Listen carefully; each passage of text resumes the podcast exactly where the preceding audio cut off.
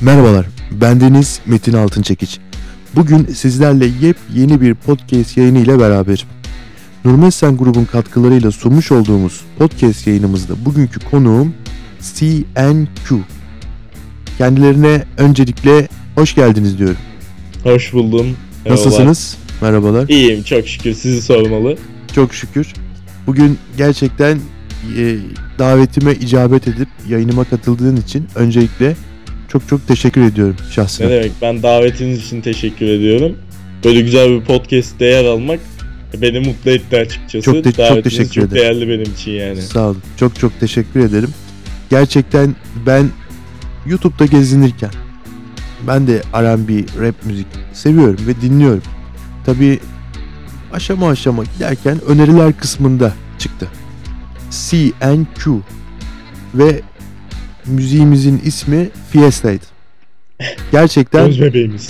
çok güzel bir parça. Yani sadece parçanın tınısı, melodisi, müziği değil aynı zamanda klip de çok güzel. Yani ve dedim ki ben sanatçıyla söyleşi yapmak istiyorum.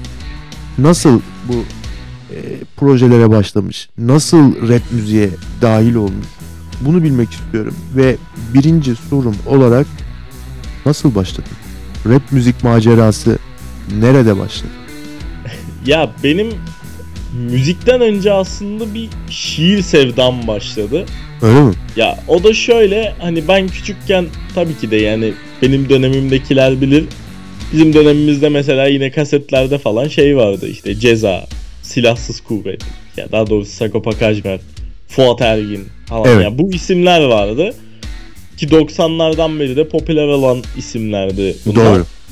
Ee, yani profesyonel piyasaya sadece onların şarkıları çıkıyordu. Biz de hani küçüklüğümüzden beri onların şarkılarını dinliyorduk. Doğru.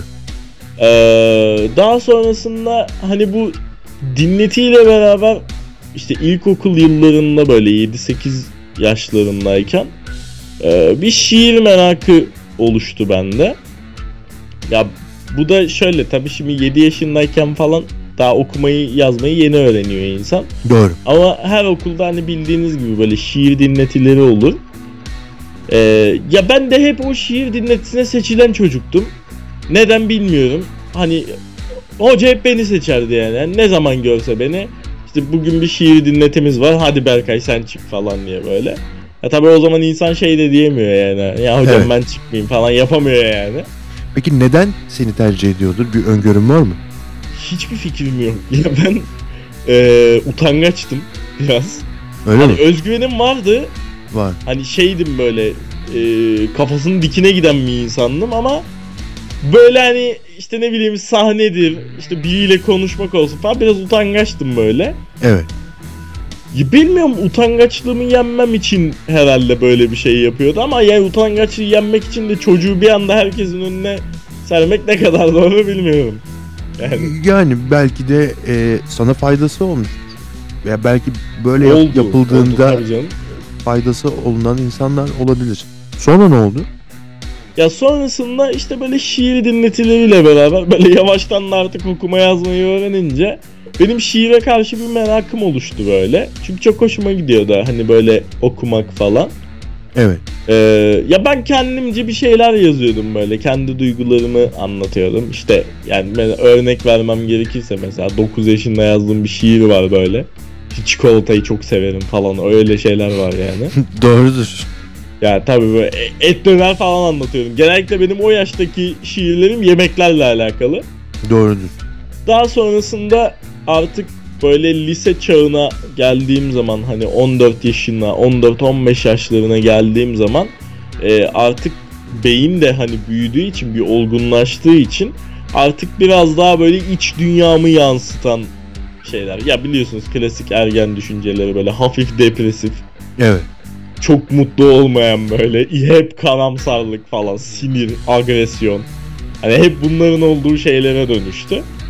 Ee, daha sonrasında da zaten 2016 yılında Ezel'in Müptezel albümünü çıkarmasıyla beraber zaten Türkiye'de bir Türkçe rap furyası patlamaya başladı. Evet. Ya zaten bilinen isimler vardı ama 4-5 isim vardı. Yeni nesil dahil olmaya başladı herhalde. Tabi tabi yeni nesil artık o e, ki ben mesela 2010'lu yıllarda da falan Ezel'in hani Ayis döneminde, Ayis Ezel döneminde falan da dinliyordum ama o zamanki rap kitlesi mesela ya ne toplasanız belki 10 bin belki 20 bin kişiydi. Ama Müptezel albümünden sonra milyonlara çıkmaya başladı ve gerçekten iyi bir dinleyiciye ulaştı. Evet. Hani Türkçe rap. Ya 80 milyon Türkiye'nin nüfusu herkes Türkçe rap'i bilmeye başladı. Doğru. Ve yüz binlerce isim çıkmaya başladı bundan sonrasında. Ya daha öncesinden olan ama ışığı parlamamış insanlar. Ee, ya bunun üzerine baktım herkes yapmaya başlıyor. Hani amatör olarak herkes başlıyor böyle yavaş yavaş. Ben neden yapmayayım diye böyle bir giriş yaptım. Hani müziğe başlangıcım buydu benim. Evet. Gerçekten fevkalade. Tabii eee, ilk yapmış olduğun birinci şarkı deneyimin ne oldu, nasıl? Yani nasıl o şarkıyı yapmaya başladın? Yani bu benim birinci şarkım, bu bu evrelerle birinci şarkıma geldim diyebilirsin. Ya eee, şarkı mevzusu şöyle oldu benim sınıf arkadaşımın abisi arkadaşıyla beraber bir stüdyo açmıştı. Evet. Eee, ben de o zaman hani yazmaya falan devam ediyorum böyle içimde bir istek var böyle ben de şarkı yapacağım falan diye böyle.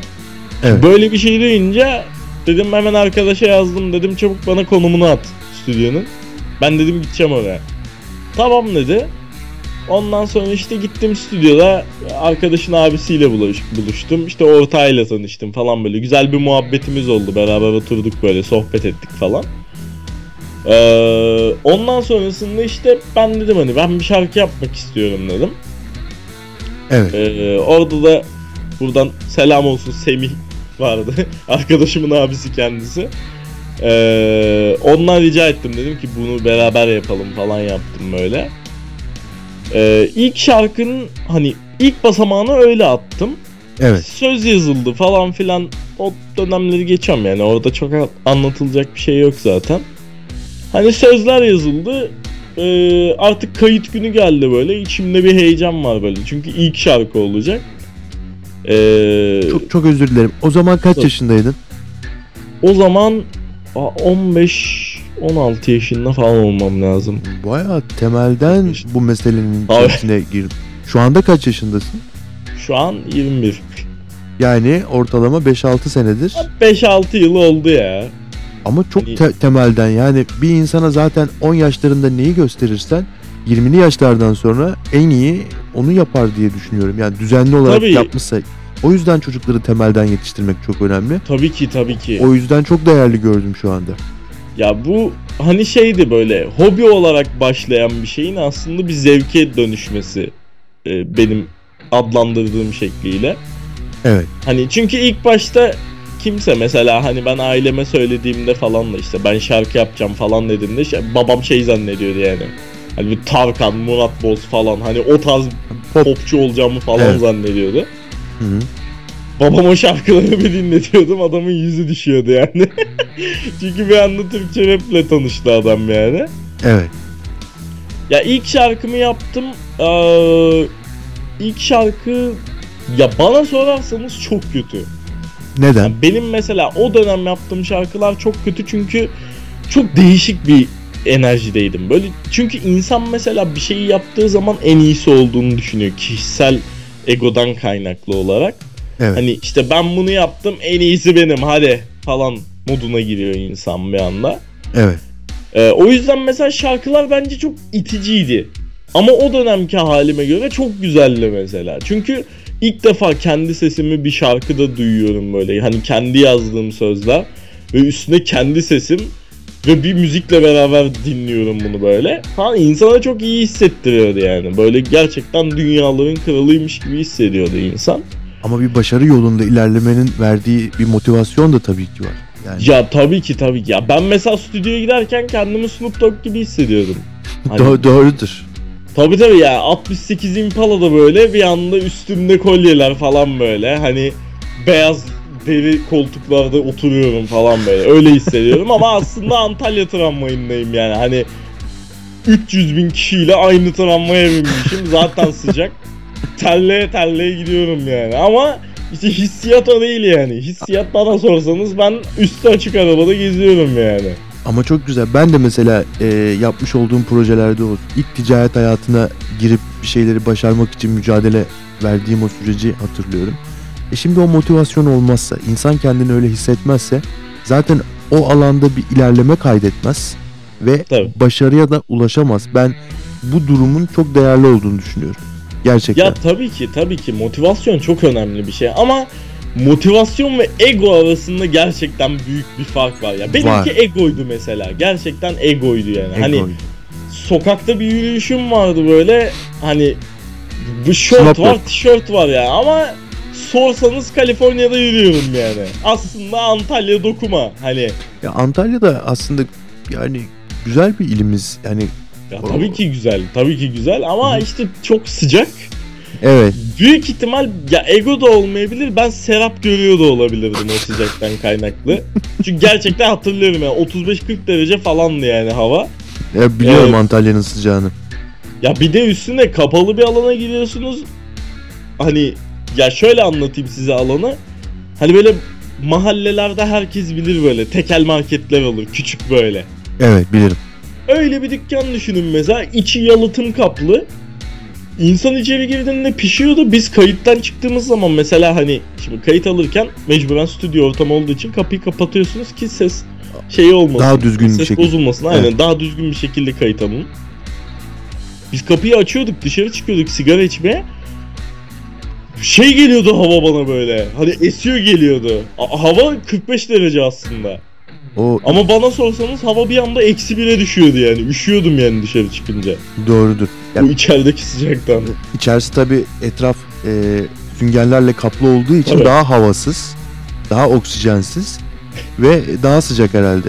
Bir de full duman altı üstüne. E, o da var. Şimdi peki e, o o dükkan, o konsept kime ait? Arkadaşınızın abisine mi ait? Aynen arkadaşımın abisi ve ortağı vardı. Ortağı vardı. Onlar burayı rap müzik yapmak isteyenler için bir e, yer amacıyla mı kurmuşlardı? Kendi müzikleri için mi? Ee, aslında ikisi için de. Yani onlar da rap müzikle uğraşıyorlardı. Evet.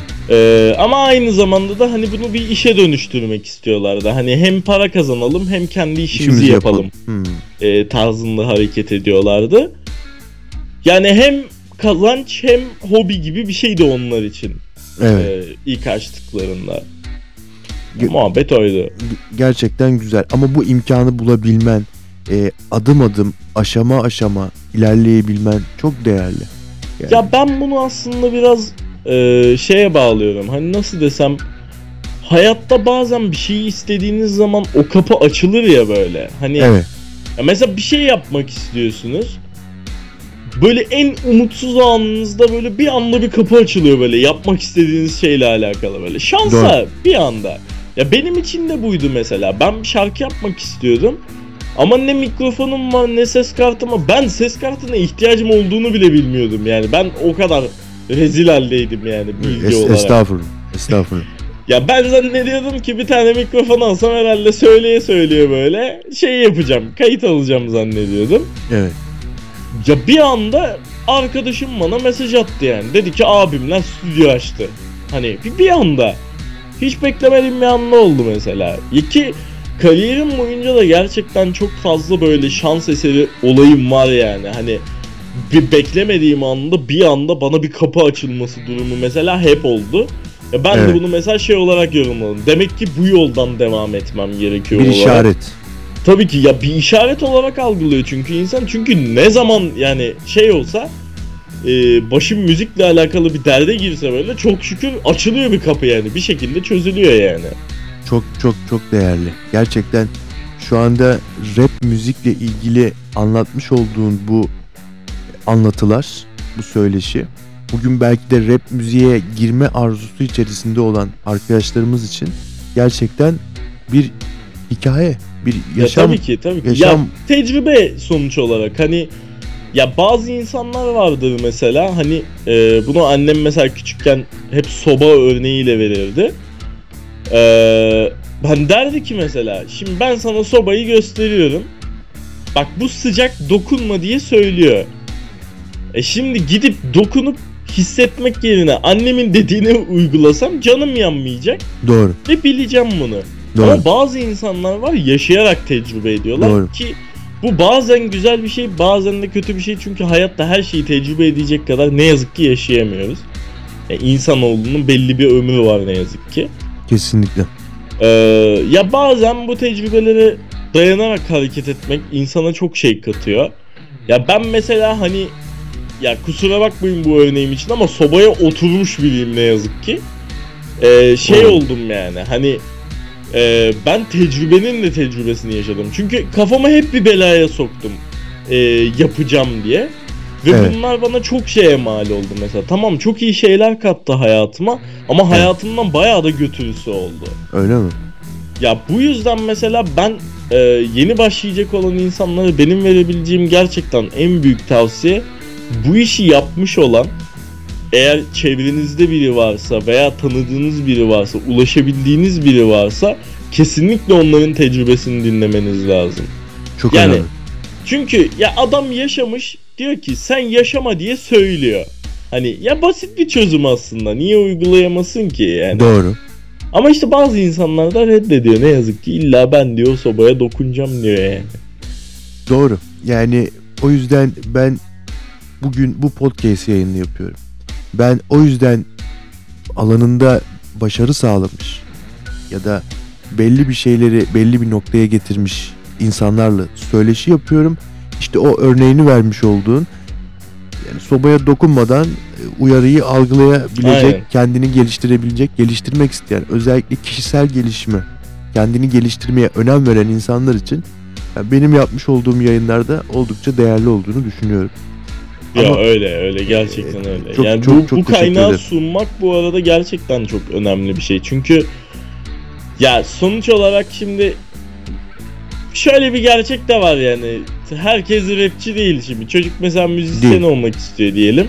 E ne yapacak yani? Babasına mı soracak mesela? Baba flow nasıl yapılıyor falan mı diyecek yani? Hani Doğru. ya nereden tecrübe edecek bunu? Bunun bir kaynağı olması gerekiyor elbet. Bilmeyen dinleyicilerimiz için flow ne demektir? Ee, flow bir şarkıdaki akış aslında. Akış. Yani tam olarak kelimeyi e, Türkçe çevirdiğiniz zaman zaten flow akmak oluyor. Evet. Ee, ya sizin şarkıda sözlerinizi altyapıyla beraber hani uyumlu bir biçimde böyle akarak götürmeniz. Anladım. En basit şeyle. Sonrasında ne oldu? Orada ilk e, kayıt alındı. İlk parça yapıldı. İsmi neydi bu arada parçanın? Şarkının ismi sorunumuz buydu. Sorunumuz buydu. Aynen. Ama sorunumuz neydi? Mesela bilmiyorum. Ama sorunumuz varmış o zaman. E, peki sözlerinden birkaç örnek verme şansın var mı? Yani söylersem bu podcast'in ben yayınlanabileceğini düşünmüyorum. Ha, öyle mi? O zaman küfür küfür içerikli bir podcast anladığım kadarıyla. Tabii biraz ya öyleydi. Ergenliğin getirdiği böyle bir heyecanla, o delikanlılıkla böyle bir anda işte şunu yaparım, bunu keserim falan tarzındaydı. Anladım. Ee, öyle. O zaman Saçma hiç bir şeydi yani. yani şimdi sonuçta tabii bir sanat ama tabii küfür varsa biz e, şey yapmayalım. Yani tabii ki. Ya yerinde olursa daha güzel olurdu. Muhakkak ama küfürlü Türkçe rap yapan da çok fazla rapçimiz var şu anda da var. Tabii ki, tabii ki. Ya bu e, hani ya şöyle anlatayım. Mesela bazı insanlar bundan rahatsız oluyor ama Evet. ben bunu şöyle yapıyorum. Tabii ki de çok fazla küfür etmek iyi bir şey değil. Bence iğrenç de bir şey. Küçük Hani, yaşta çocuklar da dinliyor çünkü. tabii ki yani bir, siz sonuçta bir ünlüsünüz ve örnek oluyorsunuz ister Doğru, istemez doğru. insanlara. Ya şimdi mesela her şarkıda işte yok bunu yaparım yok şunu yaparım diye bahsetmek bana doğru gelmiyor. Doğru. Yani bana katılıyorum. sorarsanız benim fikrimce çünkü sonuçta etkilediğiniz insanlar var. Evet. Ha, buna göre davranmak gerekiyor. E sonra gidiyor mesela atıyorum küçük yaşta bir çocuk bir şekilde duyuyor şarkıyı. E bu sefer beynine o işliyor ve ona göre konuşmaya başlıyor. Doğru. Ki mesela çok fazla küfür edilince de ya ben de ya herkes gibi hayatımda ben de küfür kullanıyorum ama dozajında hani Evet. yerinde olduğu zaman zaten bir anlamı oluyor. Yani her cümlenin sonuna bir küfür eklediğiniz zaman mesela şey olmuyor. Etkileyici olmuyor bana sorarsanız yani. Doğru. Bazıları bunu etkileyici de buluyor mesela. Öyle komik bir şey de var. Doğru. Peki peki e, sonraki süreçte ilk kayıt alındı ve sonra ne oldu? Yani kayıt alındığı gün ben dedim ki bu şarkıyı çıkartıyoruz. Yani şimdi e, global piyasada release day diye bir e, tabir var. Release day'de e, yani tam olarak Türkçe çevirdiğimizde yayınlama günü olarak geçiyor. Anladım. Hani Perşembeyi Cuma'ya bağlayan gece eğer şarkınızı yayınlarsanız daha fazla etkileşim alınacağı e, Öyle mi? bilgisi. Öyle bir istatistik mi var? Tabii yani bu genel olarak bakarsanız mesela genellikle sanatçılar şarkılarını Perşembeyi Cuma'ya bağlayan gece yayınlarlar. Kendi e, zaman dilimlerine göre. Anladım. Kendi saatlerine göre yani. E, daha fazla etkileşim alındığı söyleniyor. Hani böyle bir bilgi var. O yüzden mesela genellikle insanlar bunu yapıyor. Ama tabii biz o zaman bu onu da bilmiyoruz. Çünkü sıfırdan başladık yani. Evet. Ya biz ben dedim ki şarkı bitti tamam hadi dedim yayınlıyoruz bunu. Çabuk benim YouTube hesabına gir dedim. Çabuk dedim bunu paylaşıyoruz. Evet. Ondan sonra şarkıyı sadece tek bir fotoğrafla böyle paylaştık. İşte eve gidiyorum böyle heyecanlı bir şekilde falan. Babamlara dinlettim. Babamın yüzü paramparça oldu. Sözleri Yani duyduktan sonra. küfür- küfürlü olduğu için mi? Ya tabii ki. Ya şimdi o zamanlar mesela dediğim gibi 14-15 yaş yok. Ya, aynen 15-16 14-15 değil de 15-16 yaşlarındayım. Yani şu babam duyduğu zaman şey oldu böyle hani adam dona kaldı bir anda Yani böyle. doğal olarak tabii rahatsız olması çok Ya tabii ki rahatsız Normal. oldu yani. Ee, öyle bir muhabbet döndü. Daha sonrasında işte ben e, arkadaşlarıma tabii ki hemen paylaştım. İşte şarkı çıkardım dinleyin falan filan diye böyle. Orada da mesela şöyle bir şey öğrendim. Hani e, insanın gerçekten eleştiriye açık olması gerekiyor. Çünkü ben mesela Doğru. şarkıyı ilk paylaştığımda benim gerçekten şu anda yakın dostum mesela Rasim vardı. Bana dedi ki kanka dedi bu şarkı olmamış yaptı yani. Ama ben mesela kişisel egoma yenik düşüp şey dedim ya sen ne anlarsın ya falan işte güzel şarkı falan yaptım. Ama bana her ne güzel şarkı yapmışsın diye de canım ciğerim diye sarıldım böyle. evet Ya bu yanlış bir şey aslında. İnsanın eleştiriye açık olması aynı gerekiyor ki kanaatteyim. bir şeyi geliştirebilmeniz için Kendini zaten ileriye eleştiri götür. almanız gerekiyor. Doğru. Ya böyle bir gerçek var sonuç olarak. Yani şimdi ben yanlış bir şey yapıyorsam ve beni yanlış bir şey yapmaya itelemeye devam ederseniz mesela ben gelişemem. Doğru. Ki gerçekten bir sene boyunca çektiğim en büyük dert de buydu. Yanlış şekilde beni motive ettikleri için ben ona göre şarkılar yapmaya devam ettim ve gerçekten çok kötü şarkılar. Şu an dinlesek mesela yani kahkaha tufanı kopar burada. Ben size öyle söyleyeyim yani. Şimdi bugün bir e, belki bilim insanı ya da teknik kişiler bir robot yapmadan önce belki izlemişsindir videoları. Birinci robot nasıl bir marifetli oluyor?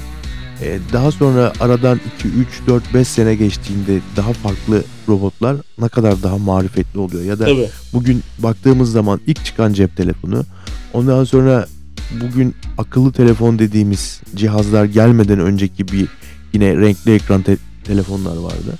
İşte bugün mesela çok çok daha farklı bir noktaya geldi. Belki bugün profesyonel fotoğraf makinesi dahi taşımadan e, insanlar e, fotoğraf çekiyorlar. Sokakta video çekip bunu YouTuber olarak yayınlayabiliyorlar artık. Ya, Tabii. o noktaya geldi. Dolayısıyla zaten e, bir iş bir noktadan bir yere evrilmeli, evriliyor ve bunu da bir 15-16 yaş gibi bir süreçte yapmış olmanı çok değerli görüyorum. Gerçekten şu Ya an tabii ki o kadar küçükken başlamak şeydi eee ne derler ona hani büyük bir cevherdi. Çünkü şimdi mesela bu yaşımda başlasaydım şimdi ben bu işi 6 senedir yapıyorum.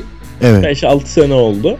evet, Şimdi düşünsenize mesela 21 yaşında başlıyorum 27 yaşında artık Bir şu noktaya anki geliyorsun. bildiğim şeylere Doğru. geliyorum. doğru.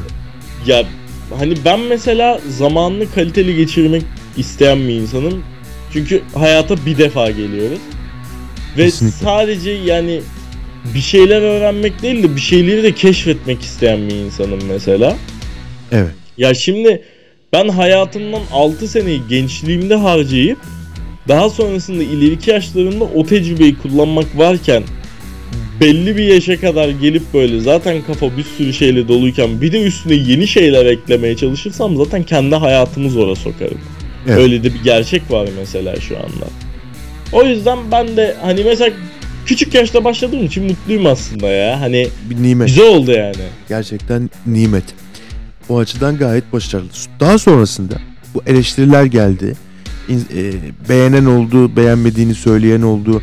Senin buna tepkin ne oldu? Yani e, bu motivasyonu düşürdü mü? Daha çok hırslandın mı? Onlara düşman oldun, diğerlerini dost mu edindin? Yani süreç nasıl gelişti? Ya şöyle hani ilk başta dediğim gibi beni övenlere böyle daha canciğer olarak yaklaşıp beni eleştirenlere böyle siz ne anlarsınız cahiller falan diye bakıyordum evet, böyle. evet, evet, evet. Yani tam olarak mesela şeydi böyle hani tam örneğini vermem gerekirse mesela atıyorum Celal Şengör mesela bir yayın yaptığında e, ona mesela saçma sorular geldiğinde böyle o bir bakışı vardır böyle hani şey nasıl bir cahilsiniz bakışı vardır mesela. Evet. O tam olarak o bakışla bakıyordum mesela beni eleştirenlere. Hani ya sen ne anlarsın cahil falan yapıyordum yani. Ee, ya ilk başta tepkilerim buydu. Daha sonrasında gerçekleri algıladıktan sonra e, biraz şey olmaya başladım böyle. Hani beni eleştirenlere daha yakın olup e, boş yere övenlerden uzaklaşmaya başladım. Ya bir sene boyunca mesela böyle devam etti. Dediğim gibi ilk başta hani şey yapıyordum. Ne kadar iyi iş yapmışsın diyenlere yanaşıyordum mesela full. Ama mesela benim dönüm noktam bence bana sorarsanız hani gerçekten kariyerimi etkileyen dönüm noktası benim Evet. yokkeni yaptığım zamandı mesela. Öyle mi? Ya çünkü benim mesela ilk ekip çalışmamdı. Hani Berke var arkadaşım beatmaker. Deniz vardı mesela yakın arkadaşım. O da prodüksiyonla ilgileniyordu. Evet. Ya tabii ki kendi çapımızdaydık yani. O kadar da profesyonel değildik. Ya ben evime mesela ekipmanlarımı aldım falan. Mikrofonum var. e, stüdyo monitörlerim var. işte atıyorum ses kartım var falan. Ya bir gün Deniz'e dedim ki Deniz dedim bir tane altyapı yap- yapalım dedim. Bunun dedim üstüne şarkıyı yazalım. Üstüne şarkıyı yapalım yaptım böyle. Birbirimizi şey yaptık gazladık. Ondan sonra Evet. hemen Berke'ye telefon açtım. Dedim ki kanka dedim bana çok acil beat lazım. Böyle böyle bir şey istiyorum falan yaptım. Sağ olsun o da yetiştirdi böyle. Üstüne sözler yazıldı, kayıtlar alındı, mix mastering yapıldı. Ya biz şarkıyı bir dinliyoruz. Deliriyoruz odada. Hani bizim başyapıtımız olmuş artık hani şarkı. Bizim gözümüzde oydu yani yokken. Gerçekten şeydi yani. Bizim yaptığımız en iyi projeydi o dönem için. Fi- Fiesta yokken, yokken başyapıttı o zaman.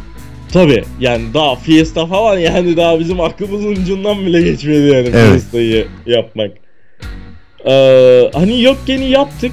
Daha sonrasında gerçekten çok iyi tepkiler aldım. Hani insanlar dinlediği zaman gerçekten şarkıyı severek dinliyorlardı ve bir şeyler hissederek dinlediklerini söylüyorlardı. Ya herkes de farklı bir duyguyu uyandırıyor mesela şarkı ki ben bunu başarabildiğim için de mesela kendimle gurur duyuyorum. Hani her insanın dinlediği zaman benim söylediğim başka bir sözden başka bir anlam çıkartıp onu kendine böyle e, kabul ettirmesi. Kabul ettirmesi değil de kendine benzetmesi. Evet. Beni mesela çok mutlu etti mesela o yorumları ilk aldığımda. Ee, ama dönüm nokta ol, yani dönüm noktası olmasının en büyük sebebi de şuydu. Babamın beğendiği ilk şarkımdı. İlk şarkı. Hani Küfür daha mı azdı? Yani şi- evet şiddet içeri... nispeten nispeten azdı ve şeydi yani sizin söylediğiniz gibi hani şiddet içeriği yok. Daha böyle duygusal Evet. bir şarkı böyle ne hissettiklerimle Evet. alakalıydı. O yüzden babamın da mesela ilk sevdiği şarkı olduğu için mesela benim dönüm noktam olmasının sebebi şuydu. Çünkü ailem artık beni desteklemeye başlamıştı bu konuda. Evet. Hani ilk başta mesela ben şarkı dinleteceğim dediğimde falan annemle babamın yüzü düşüyordu böyle. Çünkü ne dinleyeceklerini biliyorlardı. Evet. Ama yok yeni yaptıktan sonra mesela bu algıyı kırdım onlarda ve babam sayesinde mesela gerçekten e, yine kariyerim için beni çok etkileyecek iki insanla tanıştım. Bunlardan biri Burak abim, diğeri de Batuhan abim. Doğru. E, hani onlar sayesinde müzikle alakalı, rap müzikle alakalı genel olarak her şeyi öğrettiler bana sağ olsunlar. Yani Çok Bir değerli. insanın öğrenmesi gereken şeyleri hepsini öğrettiler. Nasıl Teknik doğru anlamda. kayıt alınmalı. Tabii tabii. Ee, nasıl doğru kayıt alınmalı, şarkıyı işte söylerken neye dikkat etmelisin falan vesaire. Bir milyondan fazla şey vardır belki de. Çok değerli. Ee, ve bu e, tanışıklık sayesinde de mesela benim ilk defa tarz değiştirdiğim San Miguel şarkısının da aslında çıkış mevzusu başladı bu şekilde. Ee, Batuhan abiyle tanışmam sayesinde. Kendisi prodüktördü. Şu an yayında mı o şarkı? Yayında yayında tabii. Bulabilirsiniz mesela. Ama Evet. Berkay diye mesela Berkay San Miguel yazarsanız bulursunuz. Çünkü... YouTube'da var o zaman şu anda. Tabii tabii şu an YouTube'da Spotify'da bulabilirsiniz. O, o zaman Berkay yani kendi ismini mi kullanıyordu? Yoksa e, Ee, CNQ o zaman yok muydu? Yoksa oraya daha sonra mı CNQ gelelim? CNQ'ya vardı. sonra mı gelelim CNQ'ya? Onu sonra gelelim. Tamam, Onu- oraya sonra onun gelelim. mevzusunu Tamam. anlatırım. Tamam. Ee, hani San Miguel'i çıkardım. Benim ilk profesyonel klip deneyimimdi bu arada San Miguel. Hani gerçekten böyle ekip falan geldi böyle tekne Öyle mi? falan tuttuk işte. Hani böyle şeyiz. Tam böyle gerçek bir rap klibi moduna girdik böyle. Ya sonuç Evet. istediğim gibi olmadı yalan olmasın ama benim için çok güzel bir tecrübeydi. Yani Muhakkak. sabahın 8'inde kalktım böyle heyecandan işte kıyafetleri hazırlıyorum falan böyle. İşte Antalya'da liman bölgesine gidiyoruz teknenin yanına. Benim içimde bir heyecan var yata biniyoruz falan böyle. Ya benim o günkü modum çok farklıydı mesela. Tahmin Aynı ediyorum. stüdyoya gittiğim günkü gibi içimde o şey vardı böyle. Hani sanki ben bunu her gün yapıyormuşum mevzusu. Ya beni orada görseniz mesela sanki tekne benim. Hani Evet. canım sıkılmış evden çıkmışım. Öyle Akdeniz'de geziyorum yani. Hani benim modum oydu mesela. Ee, güzel bir deneyim oldu benim için. Daha sonrasında mesela biraz ee, şey yapmam yani duraksamam gerekti. Çünkü ee, üniversite dönemin, dönemindeydim o zaman. Yani üniversiteye başlayacaktım. Evet. Ee, şimdi üniversiteyi ben ilk başta Kıbrıs'ta okumaya gittim. E şimdi Kıbrıs'ta hiçbir imkan yok. Hani bilgisayarım yok. Sadece yanımda bir tane laptopum var, kulaklığım var. Ee, hani şarkı yapabileceğim bir şey yok. Sadece maksimum yapabileceğim şey bir tane altyapı açıp not defterine söz yazmak Söz yazmak. şarkıyla alakalı yapabileceğim maksimum şey buydu. Ee, Kıbrıs'ta bayağı şarkı biriktirdim. Daha sonrasında O zaman o Aralık zaman ayı- yazılı sözler mevcut şu anda anladığım kadarıyla. Tabii tabii şu an var mesela. Ya onların çoğunu biz şarkıya dönüştürdük. Sadece yayınlanmayı bekliyorlar şu anda. Anladım. Ee, mesela Fiesta'nın çıkış hikayesi de aslında bu döneme e, denk geliyor. Ya mevzusu da şöyle. Şimdi ben e, Aralık ayında sanırım bir ara tatil tarzında bir şeyimiz vardı. Ben Antalya'ya geri dönmüştüm. Ee, Çok özür dilerim. Şu anda anda- neredesin? ben şu anda Çek Cumhuriyeti'ndeyim. Çek Cumhuriyeti'ndesin. Aynen Kıbrıs'tan bir anda buraya geldim. Ee, üniversite okuyorsun. Aynen şu Öğrencisin. Hangi bölümdeydin? Ee, şu anda uluslararası ticaret. Güzel. Fevkalade. Yani şu an onu okumaya çalışıyoruz. Kaçın- Aynı zamanda müziği devam ettiriyoruz. Vallahi harika. Hem okuyorsun hem bir taraftan sanat yapıyorsun. Kendini geliştiriyorsun. Yani Sonrasında e, sonrasında şöyle ya ben e, Serhat sağ olsun prodüktörüm evet. e, bana bir altyapı yolladı. Dedi ki elimde dedi böyle bir şey var dedi. Şunu dedi hani bir şarkıya gir dedi. Bakalım ne çıkacak falan dedi. Ben bu şekilde Fiesta'nın sözlerini yazdım. Ama ilk başta altyapı çok farklıydı. Ee, sonrasında ben işte Antalya'dayken bir kayıt aldım böyle. Serhat'a yolladım. O zaman tabii Kıbrıs'a geri döndüm. Ee, Serhat'a yolladığım zamanlarda. Evet. Serhat dedi ki, kanka dedi bu şarkı dedi harika olmuş falan yaptı böyle. Ondan sonra biz gaza geldik. Ben e, ben bu arada Serhat'la şöyle e, ufak bir bilgi geçeyim. Biz Serhat'la oyundan tanıştık. Ee, Oyun derken Bildiğiniz oyun yani. E, Counter Strike diye bir oyun vardı. evet. Onu oynarken tanıştık mesela. Bizim bir Bahar ablamız var. Onlarla da oyundan tanıştım. Doğrudur. Ee, bizim Bahar abla bir gün yayın açtığı sırada işte Serhatlar geldi. Tanıştık, muhabbet ettik. Baktık kafa yapısı oturuyor. O da müzikle ilgileniyor falan böyle. Öyle bir e, dostluğumuz başladı. Daha sonrasında işte Serhat bana dedi ki kanka dedi senin dedi İstanbul'a gelmen lazım ve bizim bu şarkıyı kayıt almamız lazım dedi. Dedim tamam. e, Kıbrıs'tan direkt aldım İstanbul biletini. İstanbul'a geldim. Serhat'la aynen Serhat'la ilk defa orada yüz yüze geldim ben. Yani daha önce mesela bilgisayardan kameradan falan görüştük ama Evet. ilk defa yüz yüze gördüm yani. Ee, beraber işte şarkının kaydını aldık falan. Rana sağ olsun vokaliyle destek oldu şarkıya. Ya bizi evde görmeniz lazımdı ya. Gerçekten öyle bir moddaydık ki yani. Ee, hani şey örneğini vereceğim. Mesela Travis Scott Astroworld albümünü çıkaracağı zaman Netflix'te bir e, şey yapıyor, belgesel yapıyor kendine. Evet. E, Astroworld'de bir parçayı, parçanın yapılışını gösteriyorlar böyle. Adamlar şarkıyı duyduğunda böyle bağıra çağıra evin içinde koşuşturuyorlar falan böyle. Aynı moddaydık yani orada. Doğrudur. Daha sonrasında şarkı yapıldı. Ee, ben Kıbrıs'a geri döndüm. Ee, bu sefer yaz sezonunu beklemem gerekiyordu. Yaz sezonu geldi. Antalya'ya geri döndüm. Şarkıyı Serhat bana yolladı. Hani babamlara dinlettim. Babam zaten benim e, şarkılarının si- şeyidir yani ne derler ona.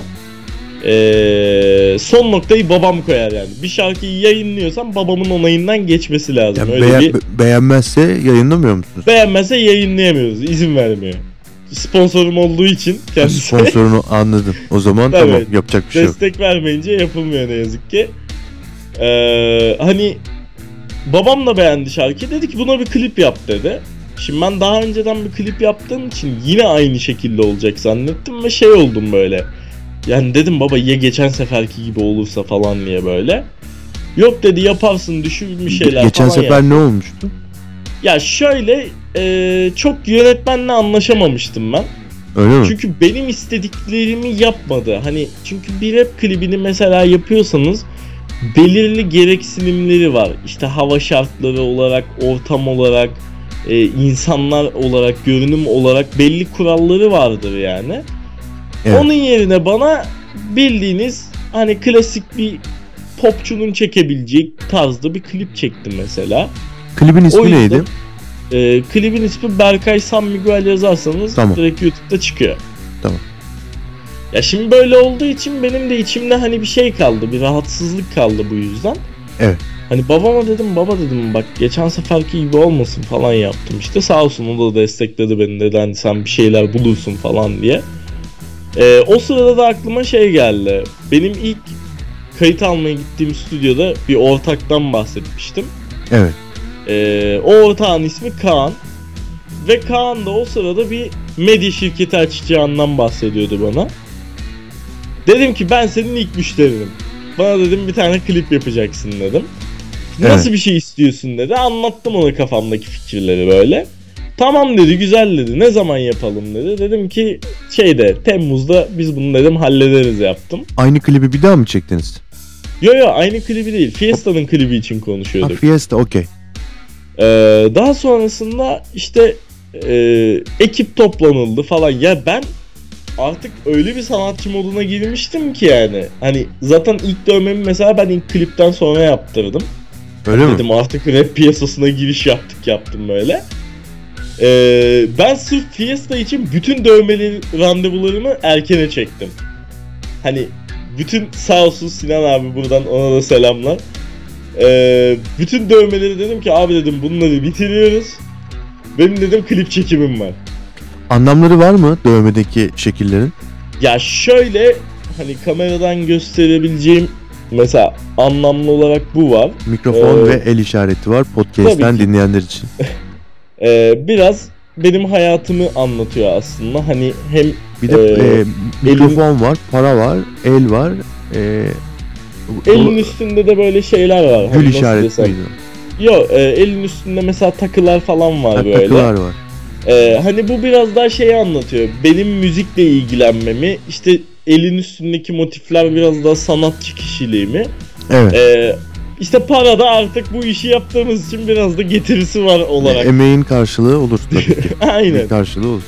Ya diğer dövmelerim mesela e, şöyle ya omzumda bir tane Odin portresi var mesela. Yani Evet. Çok kameraya yaklaştıramıyorum ama umarım gözüküyordu. Yok ben görüyorum şu an. Ee, ya Odin'le mesela benim İskandinav mitolojisine çok fazla ilgim var. Hani çok seviyorum. E, Odin de bilgelik tanrısı olduğu için mesela çok hoşuma gidiyor böyle. Çünkü Oradan yakaladım. aynen bilgi için bir gözünü feda etmiş bir Öyle mi? e, varlık yani. O yüzden mesela çok etkiliyordu o karakter beni. O yüzden onu yaptırmak istedim. E, Bilmeyenlerimiz için gözünü neden feda etmiş? Ee, sınırsız ya daha doğrusu sonsuz bilgi için. Sonsuz bilgi için. Aynen. Yani e, gözünü kaybettiğinde bu bilgiye nasıl erişebiliyormuş? Yani ya kısaca mitolojide şöyle geçiyor. Tanrılar ona bir seçenek sunuyor. Yani diyor ki işte sınırsız bilgiye kavuşacaksın ama senden Bir şey istiyor. almamız gerekiyor diye söylüyorlar. Yani bir takas aslında bu. Anladım. O dinle hani bir gözünü veriyor. O anladım. Bu sefer bir göz bandıyla beraber hayatına öyle devam ediyor yani. Anladım. Biraz daha uzun bir hikayesi var aslında da şimdi Ha, yani öz- anlatmaya ya- ya- başlarsam özü. Özü aslında bu yani. Sonra, bilgi için e, veriyor. Anladım. Daha sonrasında Fiesta ile ilgili görüştünüz, anlaştınız. Sonra, Aynen. sonra klibi mi çekmeye başladınız? Aynen. Daha sonrasında ben birkaç sponsor arayışına girdim. Ee, çünkü bu sefer ben yapmak istiyordum. Hani gerçekten her şeyi benim ödemem gerektiğine şey yaptım, kanaat getirdim. Hani çünkü artık 18 yaşında geçmişim yani. Hani bir birey olarak benim bir şey yapmam lazım dedim. Yani babadan destek almadan Aynen. Bu sefer babadan destek almadan böyle şey yaptım. Ee, işte bir şekilde arkadaş çevremi e, topladım. Daha sonrasında bir abimiz vardı sağ olsun bize evini açtı. Ee, Evet. Antalya'nın biraz dışında bir villası vardı. O bize kapılarını açtı. İşte gittik villada çekim yaptık, sokaklarda çekim yaptık. Zaten araba bana ait. Yani benim mesela şanslı olduğum konu aslında biraz da buydu. Elimdeki imkanlar fazla olduğu için kullanabileceğim çok fazla şey vardı. kamera önünde onları kullandın o zaman. Tabii ki yani Fiesta klibinde olan şeyleri inanın şöyle söyleyeyim ben sadece Kaan'a bir meblağ ödedim. Ödediğim meblağ da hani sonuç olarak çekim yaptı. Benimle beraber o yolları çekti falan diye. Evet, Ee, yani bu onun hakkıdır ödemesi. doğru. Ama geri kalan hiçbir şeye para vermedim mesela. Yani yalan olmasın. Yani araba benim, ev tanıdığım. Ee, klipte oynayanlar zaten bizim arkadaşlar. Çok Hani güzel biraz hikaye ya. Valla yani. çok güzel hikaye. Gerçekten Mevzu oydu yani Fiesta'nın da. Ee, ve Fiesta'da ya Fiesta'dan sonra mesela daha çok sahne teklifleri almaya başladım Antalya'da.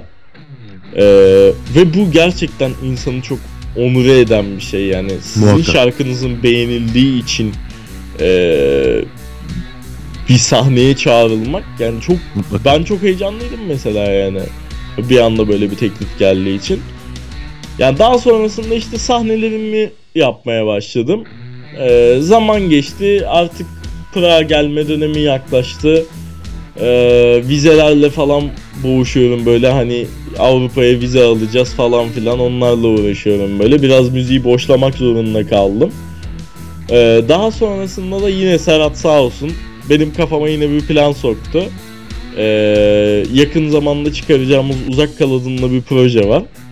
Ee, Hayırlı bana olsun. onun altyapısını yolladı. Çok güzel. Ve gerçekten şu anda yokkeni ilk yaptığım günkü gibi hissederek söylüyorum Heyecanlısın bunu. o zaman. Heyecanlıyım ve uzak kal gerçekten çok farklı bir şey. Yani Öyle mi? e, ben normalde mesela bir şarkı yaptığım zaman maksimum 3 defa dinliyorum. Evet. O da şey için hani ezberleyeyim sahneye çıktığımda söyleyeyim. Hani aslında bu mantıkla ilerliyorum ama ben uzak kalı sanki başkası yapmış gibi dinliyorum. Hani Doğru. şarkı bende çok farklı bir etken. Ambiyans. e, aynen Bu vibe'ı çok farklı bir vibe veriyor Evet. ve beni çok farklı dünyalara götürüyor yani. Valla şu an hani açalım dinleyelim demek isterdim ama yayınlanacak muhtemelen dijital bütün müzik platformlarında ve tabi aynı zamanda video YouTube gibi kanallarda ama telif olur. Yani Aynen. ya yani. aslında Telifle başınızı ağrıtmayalım. ya e, sizin yapacağınızı zannetmiyorum ama sizin de Ya. mutlaka yapımcınız, aranjörünüz, prodüktörünüz var. Tabii tabii. Onlar e, kişilere bakmaz bakmaksızın yapay zeka marifetiyle herkese telif gönderdikleri için ben de Aynen tabii öyle. e, dikkat ediyorum. Ya mutlaka çözülür ama yine de telife Yani işte sürp- hiç- sürpriz hiç olsun. uğraşmaya gerek yok Çıkış- yani. çıkış Yani tarihi- Yakın zamanda çıkacak. İnşallah. Çıkış tarihi belli mi? Çıkış tarihi şu anda belli değil çünkü hala halletmemiz gereken birkaç Aşamalar var. e, aynen aşama var. E, onu yapmamız gerekiyor. Ama çok fazla değil. Ben yazın daha çok yayınlamayı istiyorum. Çünkü Club Banger bir parça. O çok Ee, çok farklı bir vibe'da e, gerçekten piyasanın ortasına gireceğini düşündüğüm bir parça çünkü Türkiye'de bunu yapan olmadı. olmadı. O, o zaman Yapmayı dinleyenler denediler. eğlenecek bu şarkıyı dinlediğinde oldukça. Ya bu şarkıyı dinleyenler eğlenecek, hüzünlenecek, biraz eskileri hatırlayacaklar. Daha Öyle mi? sonrasında da önlerine bakmakları gerektiklerini hatırlayacaklar. O Ee, çünkü şarkı gerçekten çok değişik bir havaya sahip. Ya keşke Çok dinletebilsem ama e, şarkı çıktığı zaman gerçekten anlayacaksınız yani neden bunları söylediğimi. Ya bunun şu anda uzak kal dediğim gibi benim şu anda top noktam. Tabii ki de uzak kal dışında parçalarımız da var. Çıkacak mesela daha bir sürü drill parçamız var, afro trapimiz var, afro drillimiz var. Ya bir sürü tarzda şarkımız var ki zaten bu yaz e, bir albüm yayınlamayı düşünüyoruz. evet. E, şu an onunla ilgili uğraşıyoruz zaten. Yani gerçekten şu anda hislerime böyle tercüman olsam derim ki yani ben şu anda oldum gerçekten. Belli bir yere geldim. Şu an sadece kabuğumdan çıkıp millete kendimi göstermem lazım durumundayım şu anda. Çok güzel. Başarılısın Ee, zaten başarının farkındayım. Yeteneklisin Ya, ve, teşekkürler. ve profesyonel işler yapıyorsun. Bak e, şimdi şarkının çıkışı tam belli değil çünkü üzerinde hala çalışıyorsunuz ama şunu söyleyeyim ben senin e, YouTube'daki CNQ kanalını takip ettim. Onu söyleyeyim. Bildirimlerimi de açtım. Zaten Instagram'ını takip ediyorum. Şarkı ne zaman paylaşılırsa ben de oradan bu şarkıyı almış olacağım ve dinlemiş olacağım. Yani heyecanla bekliyorum onu söyleyeyim. Yani merak edenler de ben- takibi alabilirler aynı Evet. zamanda. yani beklediğinize değecek gerçekten. Hani bunu e, tüm içtenliğimle söyleyeyim. İnanıyorum. Çünkü- Fiesta'dan sonra çok daha Yani- farklı bir şey çıkacağına inanıyorum yani. Ya bizim mesela şimdi her sanatçının mesela özellikle Türkçe rap piyasasında mesela her sanatçının şey huyu vardır. Bu klasiktir zaten. Pop dünyasında da yaşandı bunun birkaç örneği. Herkes kendini en iyi zanneder. Yani bu bir gerçektir böyle. Çünkü artık insan ünlü olmuş böyle şey triplerine giriyor. Hani ben artık ünlüyüm, herkes beni tanıyor, benden iyi olamazsınız falan triplerine giriyor ama Evet.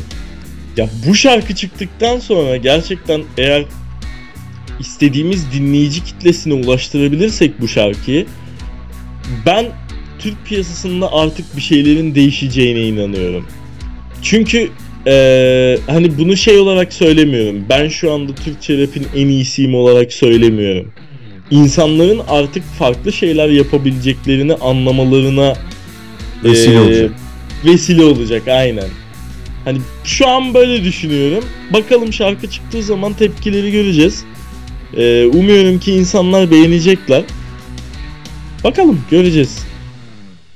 Hayırlı uğurlu olsun. Gerçekten çok güzel açıkçası. Ee, son olarak e, iki tane daha soruyu merak ediyorum. Bunlardan bir tanesi CNQ ismi nasıl bulundu ve daha sonrasında da rap müziğe başlamak isteyen gençlere tavsiyen ne olur? Onları merak ediyorum. Okey. O zaman önce tavsiyeyi vereyim. Ee, yani rap müziğe başlamak isteyenler için öncelikle kesinlikle çok fazla sözlük okumanız gerekiyor. Yani kelime bilginizin gerçekten çok fazla olması gerekiyor. Çünkü yani rap dediğimiz şeyi yapmak aslında açılımına bakarsanız Rhythm and Poet'tir açılımı. Evet. Ee, Türkçe'ye çevirdiğiniz zaman da ritim ve şiir. Evet. E, Şiir yazabilmek için kelime bilginiz olması lazım. Kafiyeleri iyi oturtabilmeniz lazım. Biraz edebiyatınızın iyi olması lazım bu konuda. Evet. Ve duygularınızı yansıtmanız lazım. Yani mesela şu an şöyle basit bir örnek vereyim. Yaşamadığınız şeyleri anlatarak çok bir şey başaramazsınız. Çünkü Duyguyu- onu içtenlikle veremezsiniz yani. Duygu vermesi gerekiyor. Aynen öyle. Şimdi mesela kenar mahalleden bir arkadaş Mehmet diyelim mesela bir örneğimiz. Evet. Ya Mehmet mesela hayatında Rolls Royce'a binmemiş diyelim. Ama şarkısına bir bakıyorsunuz her gün Bugatti'lerde altın külçelerin arasında yüzüyor. İşte bütün modeller onun yanında falan. Ama ertesi gün bir bakıyorsunuz Mehmet kenarda okey oynuyor mesela kıraathanede. Evet. Hani şimdi bunu yaptığınız zaman zaten insanlara doğru enerjiyi de veremiyorsunuz. Şimdi ben mesela eee, çok şükür hayatımda illegale karışmamış bir insanım. Çok güzel. Yani şimdi ben gidip mesela şarkımda şey anlatsam işte bir tane adam vardı gittim onu vurdum onun malına çöktük şunu yaptık polise şunu yaptık bunu yaptık falan diye anlatsam. Kim inanacak buna mesela? Hani en basitinden bunu sorayım.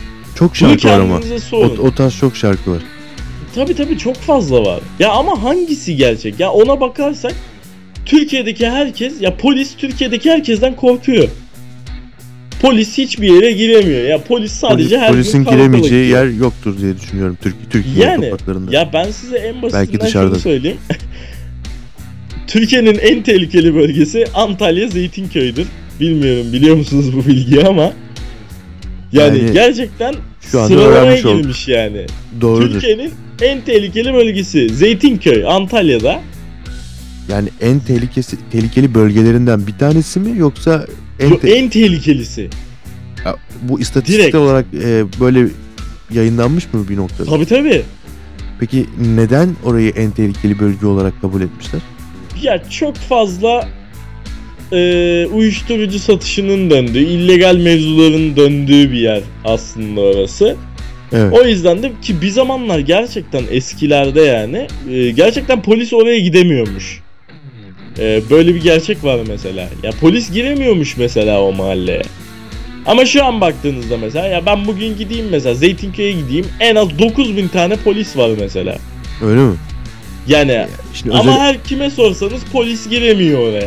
ya, özel harekat var artık ve artık Tabii acımadan giriyorlar. Şimdi 10 tane polis gider, olmadı 50 tane gelir, olmadı 100 tane gelir. Yani or- oranın her yeri e, bir şekilde polisler tarafından kontrol altına Tabii ki alınabilir. tabii ki. Yani de, kimse devletten daha güçlü değil. Ama e, tabii ki bugün hala o illegal dediğimiz model devam ediyor mu bölgede? Tabii tabii. Ya devam ediyor. Polis mesela engellemeye çalışıyor bir şekilde ama bir şekilde devam ediyor yani onlar da yoluna. Ama yani yani kısaca baktığınız zaman mesela polis polisin önünde bir engel yok mesela. E o zaman bu insanlar neyi anlatıyor? Hani Evet. neyi söylüyor yani? Yok şurada şunu içtik, şurada şunu yaptık. Ya mesela şöyle komik bir e, örnek vereyim. Mesela Türkiye piyasasında rapçi Furkan diye biri geçti mesela. Onu bilmiyorum.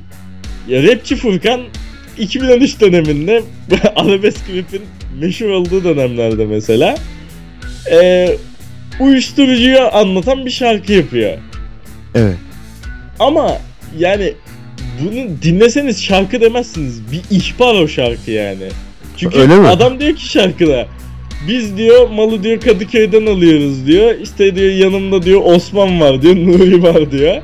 İşte şurada içiyoruz diyor mesela. İşte fotoğraflara mesela uyuşturucu içerken fotoğraflarını koymuşlar falan böyle. Yani gerçekten olanı mı yazmış orada? Olanı yazmış mesela ama ihbar yani o şarkı. Şimdi savcı Gözaltı mesela, oldu mu? Tabii tabii hapse girdi. Hapse girdi. Oo. İçicilikten yeter var şu anda. Şarkıyı merak ettim yalnız. Ona da YouTube'dan bakacağım arada.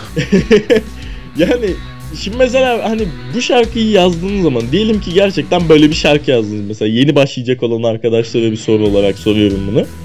Hani mesela böyle bir şarkı yazdınız tamam savcı ne diyecek mesela size? Çok güzel kafiyeleri var. Salın çocuğu mu diyecek mesela yani? Demeyecek. Yani Ya devlet devlet gözü önünde mesela böyle bir duruşmaya çıktığınız zaman e, inanın kimsenin büyüklüğü kalmıyor. Yani herkes kendini en iyisi zannediyor ama gerçekten o mahkeme salonuna girdiğiniz zaman o, o bütün olay çok değişiyor. Yani bunu küçük bir tecrübemden dolayı söylüyorum. tahmin ediyorum. Yani o yüzden e, böyle şeylere girmeyin. illegal şeylere de bulaşmayın. Zaten gerek yok hayatınızda. Yani madde Allah kullanımını falan da destekleyen bir insan değilim. E, sevmem de e, kullananı. Yani çok gırgır şamata istiyorsanız marketlerde satılan alkolle beraber evinizde yapmayın. Tamam. şey var. e, ekonomik olarak sıkıntı olabilir ama evinizde de yapmayın. Gidin marketten alın. için Evet. rahatlayın. Hani E, benim e, verebileceğim tavsiye E, bu şu yani anda. evde ya- yapıldığı zaman Allah muhafaza kör olma gibi böyle Tabii ki ölmek gibi ya, riskler boğma, var. Boğma iyi bir şey değil yani. Değil. Bir şeyi merak ettim. Sen e, kendi rap müziklerinde içerikte ne anlatıyorsun insanlara? Ya benim içeriğim şöyle. Ben daha çok kendi hayatımdan örnekler veriyorum. Benim hayatım neyse onu anlatıyorum. Ya benim mesela tamam şu anda durumum çok şükür yerinde. Ama Maşallah. e, gidip de mesela şarkılarımda da böyle sanki ultra lüks bir hayat yaşıyormuşum gibi anlatmıyorum. Yani hayatımda ne varsa, ne yapıyorsam, ne yapmak istiyorsam mesela bunları anlatıyorum genellikle. Ee, sevmediğim insanlar olursa mesela onlar hakkında biraz bahsediyorum. Evet. Onu çok yapıyorum hatta yalan olmasın. Ya genellikle benim şarkılarımda anlattım. Gündelik yaşantımda olan şeyler. Hani ee, sıradanmış gibi gözüküyor ama benim ee, böyle nasıl desem bir hareketliliğim var böyle. Başımı bir şekilde bir belaya sokuyorum. Evet.